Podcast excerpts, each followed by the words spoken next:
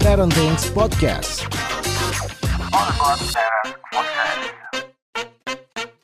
Halo, sel- selamat datang kembali Smart Parent saya Bunda semuanya di podcast Parentings dan pada kesempatan kali ini saya Uya kedatangan tamu nih Ibu Lindia dan juga Fatima. Selamat siang Ibu, apa kabar? Ya, alhamdulillah baik.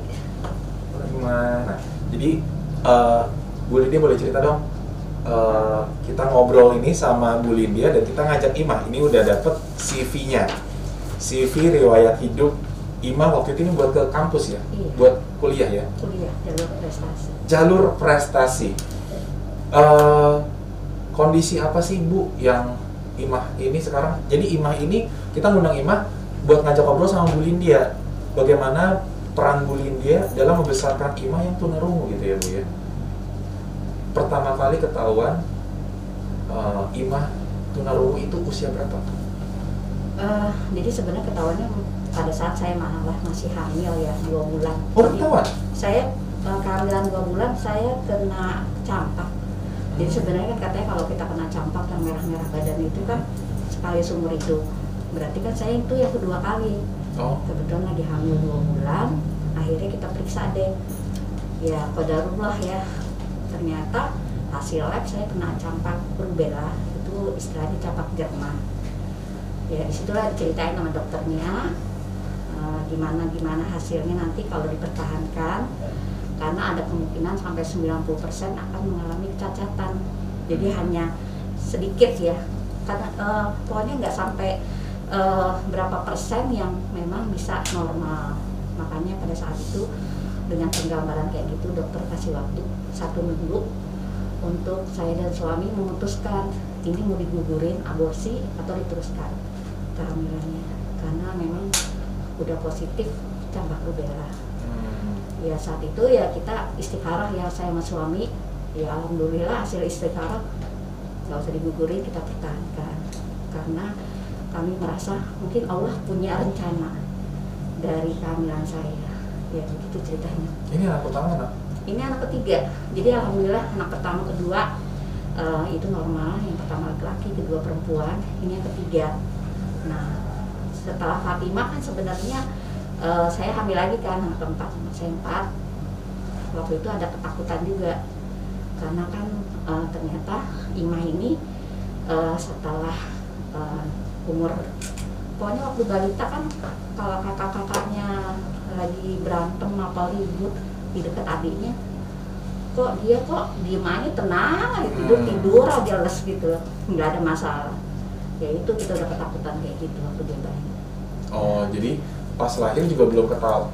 belum ketahuan Belum. karena secara fisik dia normal Hmm. nah pada saat kita tahu dia tuh waktu bayi nggak nggak nggak nggak ada apa-apa lah nggak nggak kebangun nggak nggak gimana gimana dia jahilin kakinya ya udahlah saat itu kan kita langsung kontrol kan nah, hasil kontrol ternyata dia kena di eh, pendengaran. Hmm. pendengaran ya dokter waktu itu umur Ima juga masih sekitar lima bulan ya. Nah dokter udah ngomong ini dia eh, apa tuli nah nanti sekitar dua tahun harus pemeriksaan keseluruhan. Dua tahun dia diperiksa secara keseluruhan hasilnya positif untuk desibelnya 110 desibel. Hmm. itu tuli berat berarti. Sedangkan IQ-nya ternyata usia 2 tahun dia IQ di lima tahun. Oh, iya jadi ketahuan gitu. Ya dokter bilang ini harus disekolahin.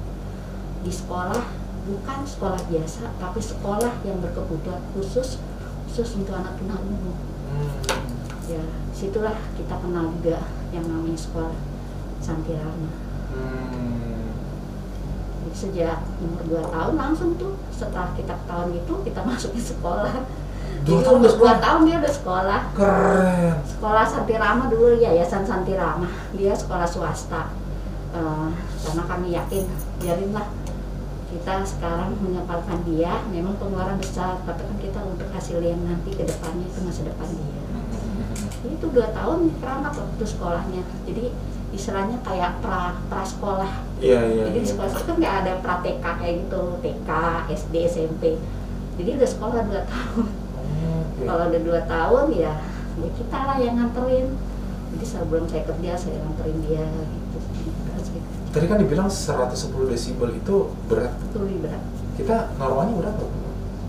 Sebenarnya kalau kita normal sebenarnya kita tuh nggak bisa dibilang nggak punya desibel Ah, Eh, karena kan kita nggak bisa mendengar suara yang paling kecil kan? Iya, benar. nah artinya kemungkinan ya kita di 10-20 desibel Hmm. karena untuk 30 desibel pun kita masih bisa mendengar hmm. teman Fatimah dia ya, yang masuk rata-rata tuh yang minimnya tuh ya di 60 desibel Hmm. itu dia bisa ada suara yang dia masuk dan pada saat kan kalau di sekolah Santirama itu kan dia belajar oral ya Hmm. dia bisa bicara melalui mulut Oh Supaya- diajarin berbicara. memang harus gitu jadi bahasa isyarat hanya bahasa membantu Oh. sesama mereka sekarang mereka begitu gitu ya Oh. pakai bahasa isyarat tapi kalau itu kita mereka tuh mempersiapkan untuk keluar gitu jadi istilahnya mereka harus ngomong gitu harus bicara mulutnya harus bicara nah tapi kalau yang 60 desibel mereka diajarin suara kan suaranya bisa jelas ya. Bisa seperti orang normal. Tapi kalau untuk yang 110 ya suaranya kayak mas tadi dengar gitu kan. Jadi ada hal-hal yang kalau kita tidak sering bicara dengan dia kita nggak paham. Hmm. kalau kita sering bicara sama dia kita baru paham. Saya pun kadang kala ada yang nggak eh, saya paham karena saya dengar dia tuh kadang dia cepat-cepat. Saya udah jangan cepat-cepat pelan-pelan baru saya paham gitu kan. Hmm. jadi memang ya perlu proses lah ya Hmm. untuk sampai dia bisa menghasilkan suara yang bisa kita kita kita ini pahami gitu. Mm-mm. Oke, tadi seru banget. Apa IQ-nya umur 2 tahun setara dengan lima tahun. setara waktu itu katanya lima tahun Di sekolah itu jadi belajar oral aja atau ada pelajaran lain? Eh, jadi Main-main gitu loh ya kan ya masih iya, dua tahun ya. jadi sesuai dengan ininya ya tingkat dia eh, itunya misalnya SD apa eh, TK apa yang dia pelajarin tapi pada prinsipnya sih sebenarnya sama seperti sekolah biasa. Hmm. hanya mungkin pengkhususan karena gurunya tuh melatih dia bicara. Jadi Hmm. melatih dia untuk mengenali. Karena kan kalau dia nggak bisa nangkep maksud kan dia juga nggak bisa mengeluarkan sesuatu kan. Iya. makanya eh, terus terang anak-anak tunarungu tuh tingkat emosinya tinggi. Karena apa? Dia tidak bisa menerangkan apa maunya dia hanya kesel kesel kesel karena orang lain tidak mengerti apa yang Iya, dia iya. pengen. Dia cuma kesel aja. Makanya waktu itu kan karena saya suka nunggu dia waktu zaman TK ngobrol sama teman-teman apa orang tua yang nunggu juga. Kadang-kadang orang tua pada kesel aduh saya baru beli a- a- alat bantu dengar ABM ya. Itu udah dilempar ke air karena di Kesmara jadi apa yang diinin dilempar kan anak kayak gitu kan Jadi baru beli udah dilempar. Ya lo bayangin aja kan alat bantu dengar itu kan mahal ya. Iya iya iya iya. iya. nah iya. Jadi kekesalan itu kadang-kala dia dia luapkan dengan apa yang ada. Barang-barang itu dia lempar-lempar. Itu awal-awal rata-rata semua gitu. Jadi anak-anak yang baru sekolah itu diting, diinikan emosinya diredakan oleh gurunya tuh emosinya supaya dia bisa fokus belajar. Makanya anak-anak eh, di sekolah khusus tuh ya eh, biasa berkebutuhan khusus untuk masalah eh, tuli itu waktu di Santirama tuh hanya untuk masalah tuli. Hmm. tidak masalah yang lain.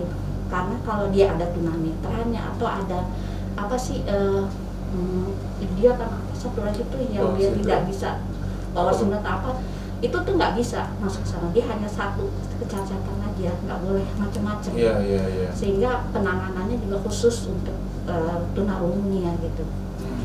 karena kalau dia campur eh, yang lain itunya kan beda-beda ya jadi kalau dia nggak bisa komunikasi nggak bisa diajak komunikasi gimana mau belajar cara dia berbahasa belajar atau yang lain gitu Oke. jadi ya meletakkan dasar itu ya pada saat di masa-masa di TK TK TK gitu Kalau di rumah gimana cara meredakan emosinya? jadi pada masa saya peluk kalau dia udah Oh. nggak udah udah saya peluk udah ima udah diam diam Iya iya iya. Biar Soalnya ini ya. dia- eh, eh, biar dia ini udah dia oh emosi Yang ya semua orang kalau emosi boleh mau gerak Ya, ini iya, ya, mau ya. Kita ya. juga ya. Ah. Tadi kalau ini saya mau nanya ke Imah ya. Iya. Saya ka- karena saya nggak eh, belum belajar bahasa isyarat saya izin pakai tulisan gitu Imah aku baca nggak tulisannya takutnya ini Baca. Bang.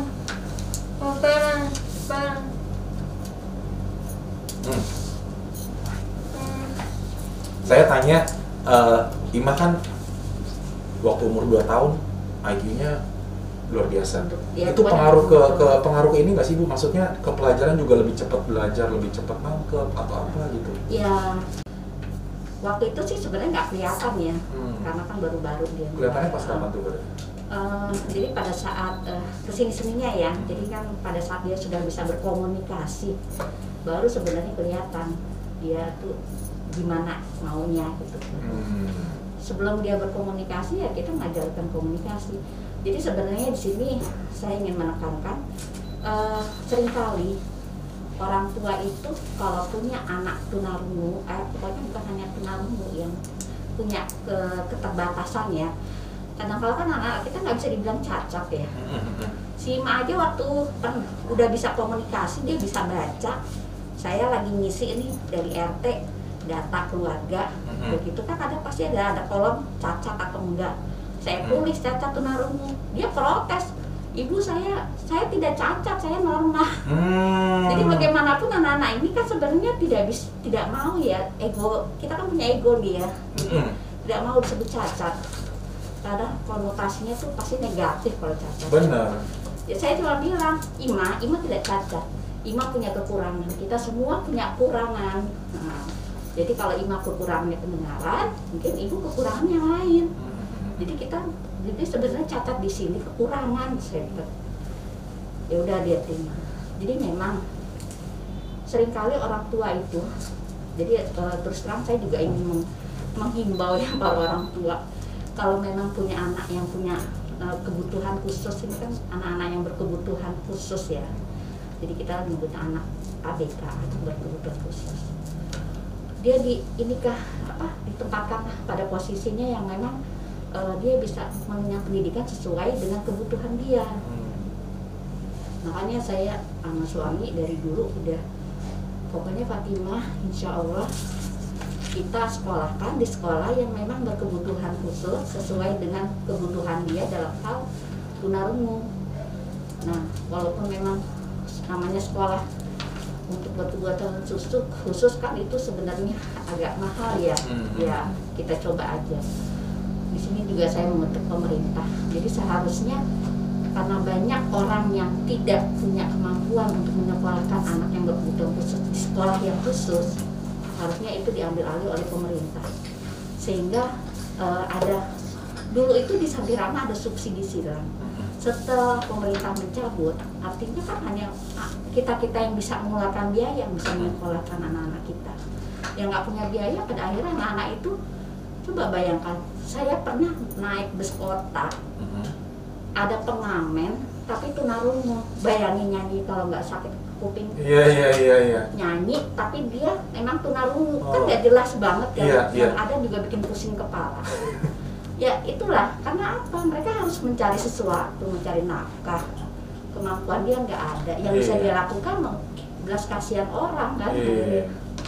nah jadi memang pada saat itu eh, saya juga kadang kala heran ya pada saat eh, kita nunggu kan kadang ngobrol-ngobrol sama orang tua banyak orang tua yang masih belum bisa menerima anaknya di sekolah yang khusus Hmm. mereka ingin sekolah yang istilahnya normal ya sekolah yang ini Mhm. pada akhirnya anak itu juga yang akan kewalahan Iya. jadi pernah temannya Ima akhirnya diambil sama orang tuanya untuk disekolahin khusus yang ada tidak ada perkembangan akhirnya dia dia tarik lagi anaknya untuk sekolah lagi balik lagi karena itulah egonya orang tua tuh kadang nggak kepengen gitu orang lihat dia tuh punya anak yang seperti itu gitu kan. Nggak nerimo ya. Nggak nerima. Gitu yang jadi sebenarnya awalnya tuh harusnya yang pertama tuh kita punya anak yang kayak gitu dari orang tua sendiri ya yang harusnya bisa nerima dulu. Kita nerima dulu tuh anak kita kayak gitu. Entah itu eh, apa eh, punya kekurangan dalam hal mata dia tunanetra atau tunaganda yang lain kita terima dulu lah anak kita kayak gitu baru kita pasrahin ke Allah kita mohon apa nih jalan keluarnya nih? Supaya anak kita ini tidak menjadi ketergantungan bagi orang lain. Dan anak ini bisa mandiri gitu kan. Nah emang untuk mendidik Fatimah juga saya juga apa berora air mata ya. Pokoknya udah dari awal tuh udah pokoknya saya banyak ngadu nih. Ya Allah gimana caranya supaya Fatimah ini bisa mandiri? Nah jadi orang tua dalam hal ini saya merasa kita lah yang sebagai orang tua yang harus mendorong dia mencari dia ini maunya apa maunya ke mana dia bakatnya apa. Menimbulkan bakat itu kan memang orang tua yang harus jeli ngeliat. Karena e, memang dibantu sama guru di sekolah. Karena apa? Karena karena pada saat saya e, melihat dia dia kan waktu masih kecil kan sering coret-coret apa gitu. Dipotong-potong lah horden dinding lah digambar-gambar kan kita ngeliat apa ke sini apa ke sini? Kita coba-coba kan. Saya ikutin banyak lomba perlombaan segala macam supaya dia tahu juga dia mau ke mana. Tadinya awalnya dia nggak pede. Jadi sebenarnya awalnya kita harus juga membuka rasa percaya diri anak ini kan. Supaya dia tuh gak tahu dia tuh ke mana maunya gitu kan. Dia tuh senangnya apa. Nah pada akhirnya kan komunikasi juga antara orang tua sama guru. Jadi pada saat saya ikutin lomba saya bilang ke gurunya Ima ikut lomba ini tapi nggak dapet juara sih. Hanya penting dia ikut inilah supaya kumpul sama teman yang lain. Walaupun makanya dia bilang ibu tidak ada yang sama seperti Ima. Yang lain semua normal. Dia selalu nyebutin yang lain normal. Dia tidak apa-apa. Makanya kadang di RT misalnya dia ikut lomba puzzle. Coba bayangkan pada saat itu dia kan udah SD karena orang tahu dia tuh di tunarungu dimasukin yang untuk puzzle-nya TK Hmm. ya dia dia cepet Proper, lah iya, dia iya. langsung inilah emang dia juga senang puzzle kan pada akhirnya sama panitia ya ini nggak bisa masuk TK nih tetap SD dia tetap aja dia menang Iya. jadi artinya orang udah merendahkan aja gitu Hmm. jadi udah apa ya underestimate gitu Iya, iya, ini iya. orang-orang kayak gini nih udah gak punya kemampuan aja Iya, iya. jadi sepertinya cara pandang kita juga ini yang apa membuat anak-anak seperti itu jadi kalau kita langsung kamu bisa kamu ini kamu punya kemampuan kan dia juga bangkit kan nah itulah jadi kadang-kadang saya juga kesel sama orang-orang termasuk waktu itu teman-teman saya juga pada saat kan waktu SMA dia magang jadi saya nggak apa-apa yang lompat-lompat Nggak apa-apa, ya, karena apa-apa. ini Podcast kenapa juga? Iya. jadi pada saat eh, dia kan waktu itu bukan magang siapa eh, kayak kita ini loh kalau misalnya SMA kan ada untuk untuk kerja. Di pemerintah apa di swasta terserah yang mau nerima dia sesuai dengan kemampuan dia. Ya teman-teman saya udah langsung bilang gini dia bisa apa untuk kita? Loh maaf ya jangan kamu bilang dia bisa apa? Kamu bisa apa untuk dia? Hmm. saya nggak bisa komunikasi nanti. Loh kalau begitu kan komunikasi kan harusnya bisa ada dua arah dong. Hmm. dari anak itu belajar untuk berkomunikasi. Dan dari kita yang normal juga mencoba untuk bisa berkomunikasi dengan kan. Artinya juga dia berusaha untuk unjuk kerja kan. Mulai untuk tahu dunia kerja. Artinya kalau sudah di, diinikan oleh kita kita yang saat itu memang lebih lebih sebenarnya harusnya udah punya pengalaman kan. Berpikirnya apa yang bisa kita lakukan? Anak ini ya. Dia kan lagi mencoba kayak magang gitu kan lah jangan sampai direndahin. Dia nggak bisa apa-apa untuk ini. Jangan gitu dong cara pandangnya harusnya dirubah saya ngomong gitu. Jadi pada akhirnya dari beberapa tempat nggak semuanya bisa nerima. Padahal itu di pemerintahan loh di Hmm. kementerian. Yang artinya eh, cara pandang kita kita ini masih kebanyakan harus dirubah gitu. Jadi jangan jangan melihat eh, sosok yang eh, apa yang punya keterbatasan ini tidak mampu emang sih ada beberapa. Cuman kan tuh bagi sebagian kecil yang misalnya eh, misalnya oh kita udah punya kok eh, pegawai yang eh, yang memang berkebutuhan khusus tapi kan nggak banyak. Padahal kan kebutuhan eh, anak-anak itu kan banyak tingkatnya. Nah di situlah saya berpikir ya Allah ternyata masih banyak benturan di lingkungan di pemerintahan pun belum membuka peluang yang lebih besar. Terus terang pada saat eh, tahun 2018 dia dia dia. Jadi anak-anak ini kebanyakan ya maaf aja. Karena di sekolahnya juga ada eh, jadi memang sekolah eh, SMA ini SMA Sandirama lah taunya. Saya melihat nih SMA ini nih, keluhan juga ya. Kok jadinya kok kayak ini ya nggak nggak apa ya dibilang dia eh, STM yang keterampilan tidak dibilang SMA juga enggak. Kalau SMA kan ada pelajaran yang memang harus sesuai kurikulum. Kalau misalnya sekolah yang eh, khusus itu kan yang misalnya eh, apa ya sekarang eh, apa, semea apa dulu Iya, seni, seni pariwisata, itu, pariwisata teknik, itu, gitu ya. eh, yang sekolahnya tingkatnya SMA itu kan ada keterampilan khusus. Sedangkan di SMA eh, dia Santirama itu semua diajarkan. Tata boga udah gitu busana otomotif sablon eh, gitu komputer semua di ini kan tapi nanti gurunya mengarahkan anak ini nih di mana nih iniannya? Kayak Fatimah. Gurunya melihat peluang dia ada di eh, komputer di desain melukis sehingga pada saat sekolah eh, mengikutkan siswanya untuk lomba dia masukkanlah kesempatan itu Fatimah untuk mencoba. Ya alhamdulillah guru-guru itu yang melihat kesempatan dia. Sehingga pada saat eh, Imah PD dia percaya diri dengan ininya kan keinginan ada kan untuk dia tetap kuliah. Makanya teman-teman yang lain eh, saya tanya kamu kuliah enggak mau kerja? Karena mungkin ini polanya beda ya. Hmm. mungkin pola di rumah di lingkungannya. Nah saya saya lebih mengarahkan dia kamu mau ke mana nanti ini? Mau kuliah ke mana? Mau ini? Udah saya ini kan supaya kamu bisa untuk kuliah gitu kan jadi pada akhirnya kalau ditanya mau kuliah mana? Mau sekolah untuk desain ke IKJ dia udah berpikir seperti itu. Dan dia pun waktu itu bilang saya mau ke mau di Brawijaya karena ada udah ada inklusi. Jadi istilahnya pendampingan untuk mahasiswa yang memang keterbatasan ini ada ada di situ. Nah, kan berarti itu kan balik lagi ke orang tua orang tua. Udah ibu jangan jauh-jauh ke sana. Ya udah kamu di sini aja. Ini karena ibu ngelihat kamu ngikut eh, apa seleksi penerimaan mahasiswa barunya agak berat untuk milih-milih itu loh SMA tapi keterampilan bukan mau ini bukan. Akhirnya saya bilang udah kamu ada prestasi apa nih? Banyak kan prestasinya. Kebetulan dia masuk 2018 prestasi yang dilihat tuh 2016 2017 Hmm. banyak nasional internasional imah insya Allah Bismillah kamu pakai ini aja jalur prestasi. Hmm.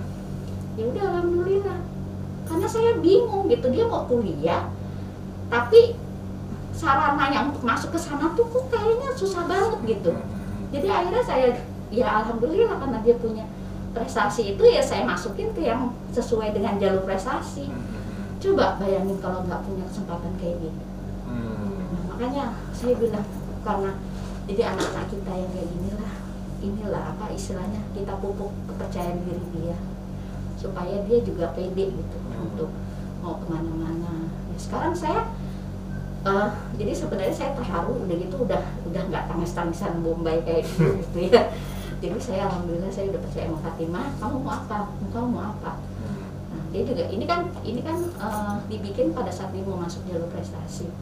Jadi pas setelah kuliah dia ada prestasinya lagi cuma belum dimasukin di sini. Nah, untuk itu juga kebetulan eh, saya sih bilang kamu harus berbagi. Jadi pada saat dia minta izin, ibu eh, saya di, diminta untuk jadi narasumber. Jadi di kantor saya ada dua kali untuk narasumber.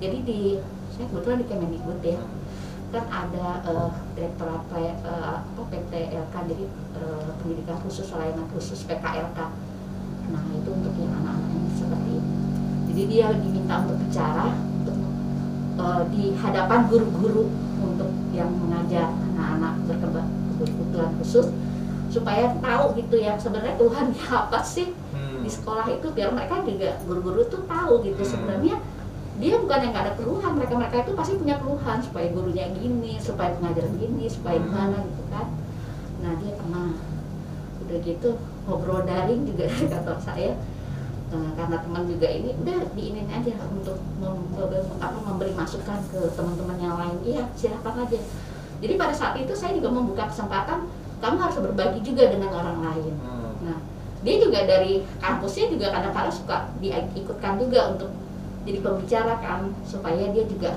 bisa berbagi juga. Ya pokoknya selama kamu bisa apa ya membagi silakan aja. Lah ya alhamdulillah dia juga pede gitu untuk bicara. Iya, iya. alhamdulillah. Bu kalau ngobrol kayak gitu di eh sebelum ngobrol ke sana eh, saya ini ya tadi saya tanya sama Fatimah ini pelajaran favorit itu apa sih yang paling disukai?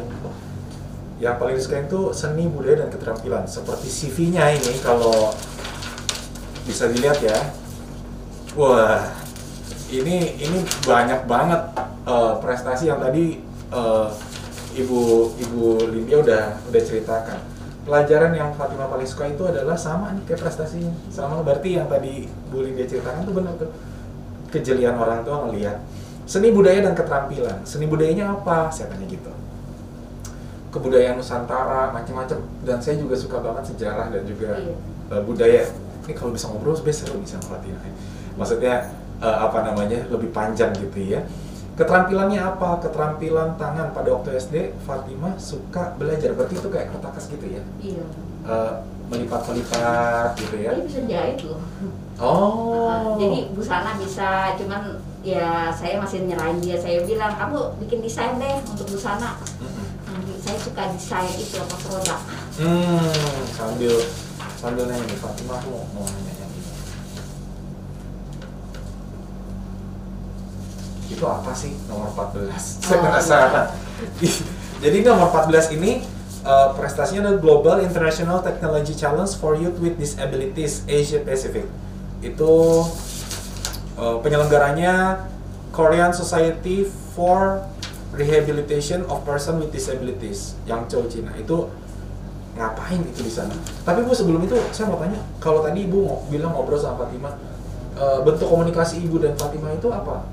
Apa bahasa tangan? pakai mulut. Oh pakai baca gerak mulut. kan Oh dia kan iya sekolah kan bicara ya. Iya ini kan kita maskeran ya, Iya, makanya nggak maskeran, makanya tadi saya nanya itu kita gimana cara ngomong Fatima karena dia saya kalau ngomong sama dia saya buka gitu kan. Oh yang kayak tadi ya, Ah, dibuka iya. ya. Oke oke oke. Ah, boleh saya nanti kalau pas ngomong saya akan ah, saya bawa beberapa foto. Nah ini foto-foto apa nih? Jadi ini sebenarnya diinginkan pada dia untuk untuk prestasi di eh, mana di UNJ. Dia kan kuliah di UNJ. Sekarang udah udah semester berapa bu? berarti? Eh, dia masuk 2018 berarti. Oh udah tahun ketiga ya? Oh semester 7 kan udah masuk ke tahun keempat ya. Dia Skripsi dong berarti? Lagi skripsi. Mantap. Jadi ini DITC. Jadi pada saat Ini yang nomor 14 ini ya, Global di Ah, ah. ITC ya betul Jadi ya? waktu 2016 kebetulan kan Kemdikbud itu mengadakan FLS 2N Festival Lomba Seni Siswa Nasional. Nah, kalau Santirama itu kan ada di unit Jakarta Selatan. Jadi untuk mencapai prestasi itu dia harus menangin dulu di lingkungan sekolah disabilitas yang ada di Jakarta Selatan beralih ke DKI naik- naik dulu jadi kalau udah di DKI juga menang baru nasional. nasional. Waktu itu di nasional di Manado setelah dari sana kebetulan dia ikut eh, jadi dalam hal ini Keminfo juga berperan banyak ya karena dia banyak eh, care untuk anak-anak ini untuk eh, belajar IT gitu kan setelah itu eh, YPAC YPAC yayasan itu juga jadi pada saat Imah sudah menang ke sini sini dimajukan nama dia untuk ikut yang internasional gitu. Jadi yang di internasional ini sebenarnya Asia Pasifik ya. Eh, Asia Pasifik eh, itu saya lupa berapa negara. Cuman yang dikirim ada empat orang mewakili dis- disabilitas. Jadi ada tunarungu, tunanetra, tunadaksa, ada empatnya. Nah itu eh, ke sana dibiayain jadi dibiayain panitia yang biayai didampingi sama YPAC sama Hmm. Kominfo itu waktu itu sama dari Kemdikbud Nah, saya ya kebetulan aja karena karena saya merasa ah saya sekali sekali pengen lah nama juga gue apa istilahnya momennya bagus saya juga pengen dampingin. Ya, ya sendiri sih. Cuman ya di sana tuh memang kita kumpul jadi di Yongju di situ. Di Korea nih, eh Cina, yang Cina, Chow. Yongju Heeh. Kayak nasi goreng ya, nasi goreng yang Chow biasanya. jadi di sana. Memang kita sebenarnya pada saat di sana tuh mereka ini nggak dapat eh, juara. Hanya memang eh, orang-orang ini orang-orang berprestasi. Mereka ini Ah, orang semua berprestasi. semua dapat prestasi. ini mereka orang berprestasi dari Indonesia yang diinikan ke luar negeri. Oke. untuk berlomba di luar negeri. Ini kita waktu- dapat sertifikat. Ini ya, Achievement Award in Ah, recognition sertifikatnya of your good performance in the global. ke sini sininya Indonesia dapat juara sih setelah itu kan momen itu kan kadang kala kita nggak tahu ya tapi mereka tuh udah berjuara Betul. Kalau itu ada foto-foto apa Bu, ini jadi pas saat habis pulang dari sana ya diterima Ini sama- pas di ITC nih. Berarti saya tanya pas banget bukan, ya. bukan ke ITC Oh, boleh lagi? jadi setelah dari dari eh, apa ikut eh, kejuaraan F, eh, S2A dia di- dipanggil oleh ini apa Hmm. udah gitu kasih penghargaan gitu lah Oke, kalau yang ini Bu? Nah, Fatima juga ikut ini loh, ikut apa? Kayak eh, program bronze standar itu kalau di itu di Apa ini? Di online ada. Ima bisa jelasin.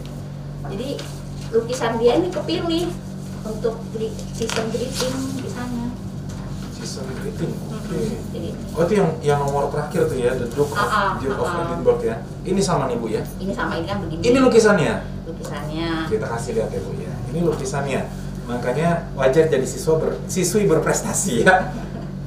Jadi di sana Ini di watercolor ya Bu? Pakai cat air atau Iya apa? pakai cat air. Jadi di ini apa? Jadi foto-foto itu eh hasil hasil ini yang lukisan dia itu ada beberapa orang nanti dibikin jadi itu kayak apa kalender apa apa di di Inggris.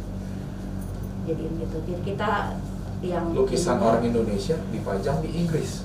bukan panjang jadi season greeting jadi kartu ucapan. Ya iya Bu, kan Iya. kita nggak pakai, malah mereka yang pakai ya. yang pakai. Iya. Iya. Ini jadi jadi season greetingnya ya, ah. jadi kayak kartu Ini ucapan atau apa. Jadi ini saya foto nih karena apa ya? Iniannya ada apa? eh, di sekolahan. Jadi kadang kalau ya namanya membawa nama sekolah ya kalau ada piala atau Buat sekolah. ini, ya memang sekolah yang ininya. Ya nggak masalah sih kan kita punya iniannya. Iya. Ya, gitu. Bagus ya Bu ya ini ya. Ini bikin langsung atau di rumah dibikin terus dikirim gitu? Eh, waktu itu sekolah, jadi sekolah ada acara dia bikin, jadi sekolah punya peran banget gitu, jadi sekolah yang Hmm. mengirimkan. Nah ini juga pada saat diterima duta besar Inggris di Indonesia, ya di ini kan diserahin langsung itunya apa piagam penghargaannya. Piagam penghargaannya. Oh keren ya. Nah ini cerita dari Fatimah eh, mengenai nomor 14. Itu yang tadi kayak Ibu Lydia cerita diajak oleh Bu Guru secara dadakan pada tahun 15. Jadi dipilih ya. Iya dipilih. Dipilih Fatimah sempatkan ikut kompetisi eh, IT apa itu ini? Kompetisi hi- Kompetisi IT. kompetisi IT hingga pemohon pemenang uh, juara dua kelompok. Wah, tahun 2016 dipanggil lagi sama guru Mm. IT lagi. Ini IT sama dengan desain atau berbeda lagi? Macam-macam sih dia bisa eh, desain eh, Oh, pakai banyak itu, belahannya belahannya banyak, lagi. banyak. Tapi ini Fatima yang Uh-uh, desain, uh-uh. desain grafis betul ya? Uh, desain grafis gitu. Saya di ternyata saya dinyatakan juara satu sekaligus juara umum. Wah, bukan cuma juara satu tapi juara umum. karena dia menang tiga juara lagi waktu itu Yang yang mana tuh? Ini. Oh, yang nomor 12 ini ya. Mm-mm. Juara satu e-life map, juara satu e-tools, juara umum. Berarti juaranya tiga. Berarti dokter prediksi eh, apa namanya benar-benar valid gitu ngeliat IQ-nya ya. Kemudian kesempatan ikut kompetisi lagi, dapat kesempatan lagi Fatima ikut yang ke yang cowok tadi itu ya. Dua minggu, iya dua minggu lama ya. Lama. Pengumuman belum beruntung tapi pengalaman baru tapi Iya. udah keren banget, udah kayak juara enggak tapi ke sana juga karena prestasi Iya dong, nggak semua. Saya aja belum pernah buka yang cu. Dan ini yang keren ya, eh, apa jadi jadi apa namanya season greeting tadi bu ya, Uh-uh. season greeting. Ada yang mau ditambahin sama Imah kayaknya terkait Iya. season greeting ini. Jadi ini di Indonesia nggak ada nih bu nih yang ini. Kan dikeluarkannya di di Dan ini ada ya, jadi eh, copyrightnya Fatimah di bawah. Jadi nggak, maksudnya Iya. tetap Hmm. dihargai banget untuk hak intelektualnya gitu ya. Terima kasih. International Award of Young People ini tadi yang mana? ya? yang tadi ini Yang ini ya? ini kan Duke ini ya? Nah, Ah, yang ini. Ini ya. Bang, sama Yang ini ya? ini sama kalau ini kan penyerahan sertifikatnya sama dubesnya dubes Inggris Ini ini sepaket nih. Sepaket semuanya ini sepaket. Ini hasil karyanya. Ini dokumentasinya Penyerahan penyerahan sertifikat. sertifikatnya dan ini ini ini ini sebenarnya juga ini karena nggak muat Oh, gini nih posisinya nih. sertifikatnya Ya. kan Aduh, this year's card has been designed by Fatimah Rahma. Fatimah tua- uh, 17 is from Indonesia dijelasin. Bronze Award Achiever, uh, Draw Falling Leaves gitu ya. Jadi ini diceritain awardnya. Terkait yang ini, International Award of Young People Fatima ikut kesempatan dikasih kesempatan ikut eh, IAYD itu International Award of Young People iya IAYP Eh, Fat- saya dapat bronze jejak bulan April itu di bulan April berarti ya Ah. dari bulan April hingga mendapatkan penghargaan dari hasil lukisan saya terpilih oleh Inggris dan negara lain. Oh berarti selain Inggris ada lagi? Nah, kan panitianya ada banyak jurinya Oh. Juri. Mana pulpen saya tadi? Oh iya ini. Selain Inggris, ada negara lain ya? lima negara lain sebagai juri juri Mana? juri untuk Ya. juri Ya. ya juri Oh, oke, sip. Wah, eh, apa namanya? Bahwa sebetulnya dari hasil obrolan kita ini nggak serta merta ini ini mungkin tamparan ya buat orang di luar sana yang suka mendiskreditkan Ah, orang-orang yang berbeda karena nggak ada satu orang pun yang sama. Even bahkan anak kita yang kembar pun itu berbeda. Kembar identik loh ya. Jadi ya wajar kita semua berbeda. Dan ini betul-betul eh, dan semua orang yang berbeda itu memiliki kemampuan yang sama bahkan lebih daripada kita. Dan inilah buktinya sesosok ibu hadir bersama dengan sesosok putrinya. Cerita-cerita sama kita banyak sekali penghargaan dan juga achievement yang didapat gitu ya. Yang penting kalau tadi eh, yang saya dapetin dari Bu Lindi adalah gimana kita sebagai orang tua membesarkan anak ini. Karena tentunya ucapan ibu adalah doa. Ya itu betul. dia. Ada lagi bu yang mau disampaikan buat kita tutup sesi podcastnya bu?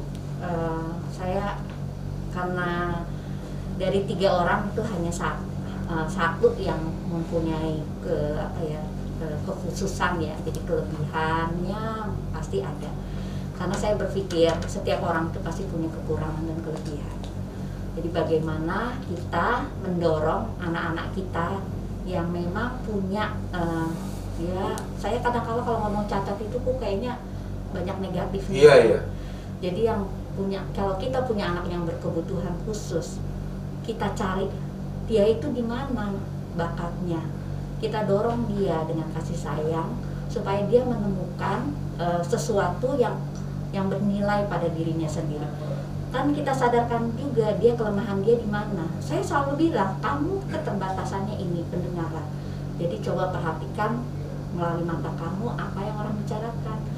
Nah, jadi memang eh, perlu kesabaran. Memang awalnya memang kita kadang putus asa, tapi ya semua itu kita balikan ke Allah. Karena Allah lah yang akan menunjukkan pada kita jalan mana yang memang terbaik untuk anak kita. Karena kita nggak bisa eh, apa ya menghadapinya sendiri. Kita perlu memang dukungan orang-orang keluarga, apalagi suami saya itu mendukung banget. Keluarga, abang-abangnya dia juga apa eh, kakaknya perempuan ada kan itu juga dia selalu nolong jadi pada saat di sekolah butuh apa gitu. Kan kalau misalnya anak-anak itu belajar kan eh, misalnya gunting nih kalender ini apa eh, apa kucing. Nanti diiniin kucing tulisan gitu. Jadi itu awal-awal belajarnya kayak begitu tuh pengenalan benda dengan tulisan. Nah itu tuh memang harus dibantu oleh semua yang ada. Paling tidak keluarga itu harus mendukung merespon dia jangan dipatahkan. Anak-anak itu jangan dipatahkan. Karena pada saat dia dipatahkan dia akan kehilangan apa ya energi untuk dia berjuang. Ya. tapi pada saat dia didorong didukung dia akan bangkit dan dia akan menolong dirinya sendiri untuk Yes. depannya jadi ya, dia harus makanya saya nggak nggak ini lagi sekarang. Karena saya udah tahu dia itu kuat. Nah, karena saya tahu dia kuat sekarang. Jadi dia bisa eh, walaupun pada awal-awalnya dia bilang ibu kuliah pusing kenapa? Dosennya muter-muter. Karena apa di situ kan berbeda. Iya Makanya iya iya konsep betul. saya juga biarkan sampai SMA dia di sekolah yang memang penanganannya memang eh, secara khusus. Baru setelah itu setelah dia ditumbuhkan kemandiriannya lepas oke. kuliah. Karena dia juga tahu cara dia menginikan gimana. Kamu gimana caranya? Pada saat ku- eh, dosennya jalan-jalan pinjam catatan teman. Bayangin aja jadi dia harus bela- belajar ekstra kan iya kalau yang lain cuma mendengarkan kalau dia nulis dulu baru juga mendengarkan nah mohon eh, jangan eh, sia-siakan anak-anak kita Mm-mm. karena bagaimanapun itu bagian dari kita. Iya. Itu menunjukkan kita tuh sayang apa enggaknya itu. Betul. Memang kita perlu bantuan, tapi memang itulah namanya kita berkeluarga, kita saling saling membantu. Yes. Gitu ya. Dan sekarang kita sudah eh, yang jadinya sekarang adalah satu keluarga dan orang tua yang sabar, penuh kasih, serta satu anak yang berprestasi. Kira-kira terima kasih banyak. Tapi satu hal lagi saya Apa lagi? pengen pengen ke pemerintah juga nih, tolonglah. Nah, ini mereka juga diberi diberi ke akses. pemerintah, beri kesempatan mereka untuk dia berkembang karena bagaimanapun mereka punya keahlian juga. Jadi jangan eh, dianggap mereka tuh eh, tidak mampu. Mereka punya kemampuan asal punya kesempatan. Nah, kesempatan itu yang harus diberikan peluangnya oleh pemerintah yang sebagai pembuat kebijakan. Yes. Terima kasih. Nggak diberikan aja udah punya prestasinya, gimana diberikan? Oke, terima kasih banyak Bu Lindia. Sama-sama, Mas. Terima kasih banyak uh, Ima atas waktunya dan jika dirasa podcast ini bermanfaat silahkan di share ke kerabat teman-teman dan juga keluarga Uh, bisa juga drop message di Instagram atau media sosial Divinity dan juga di podcast parenting saya Uya pamit terima kasih banyak Ya, Bu. Ya, sampai jumpa lagi di episode berikutnya Parenting Podcast. Podcast.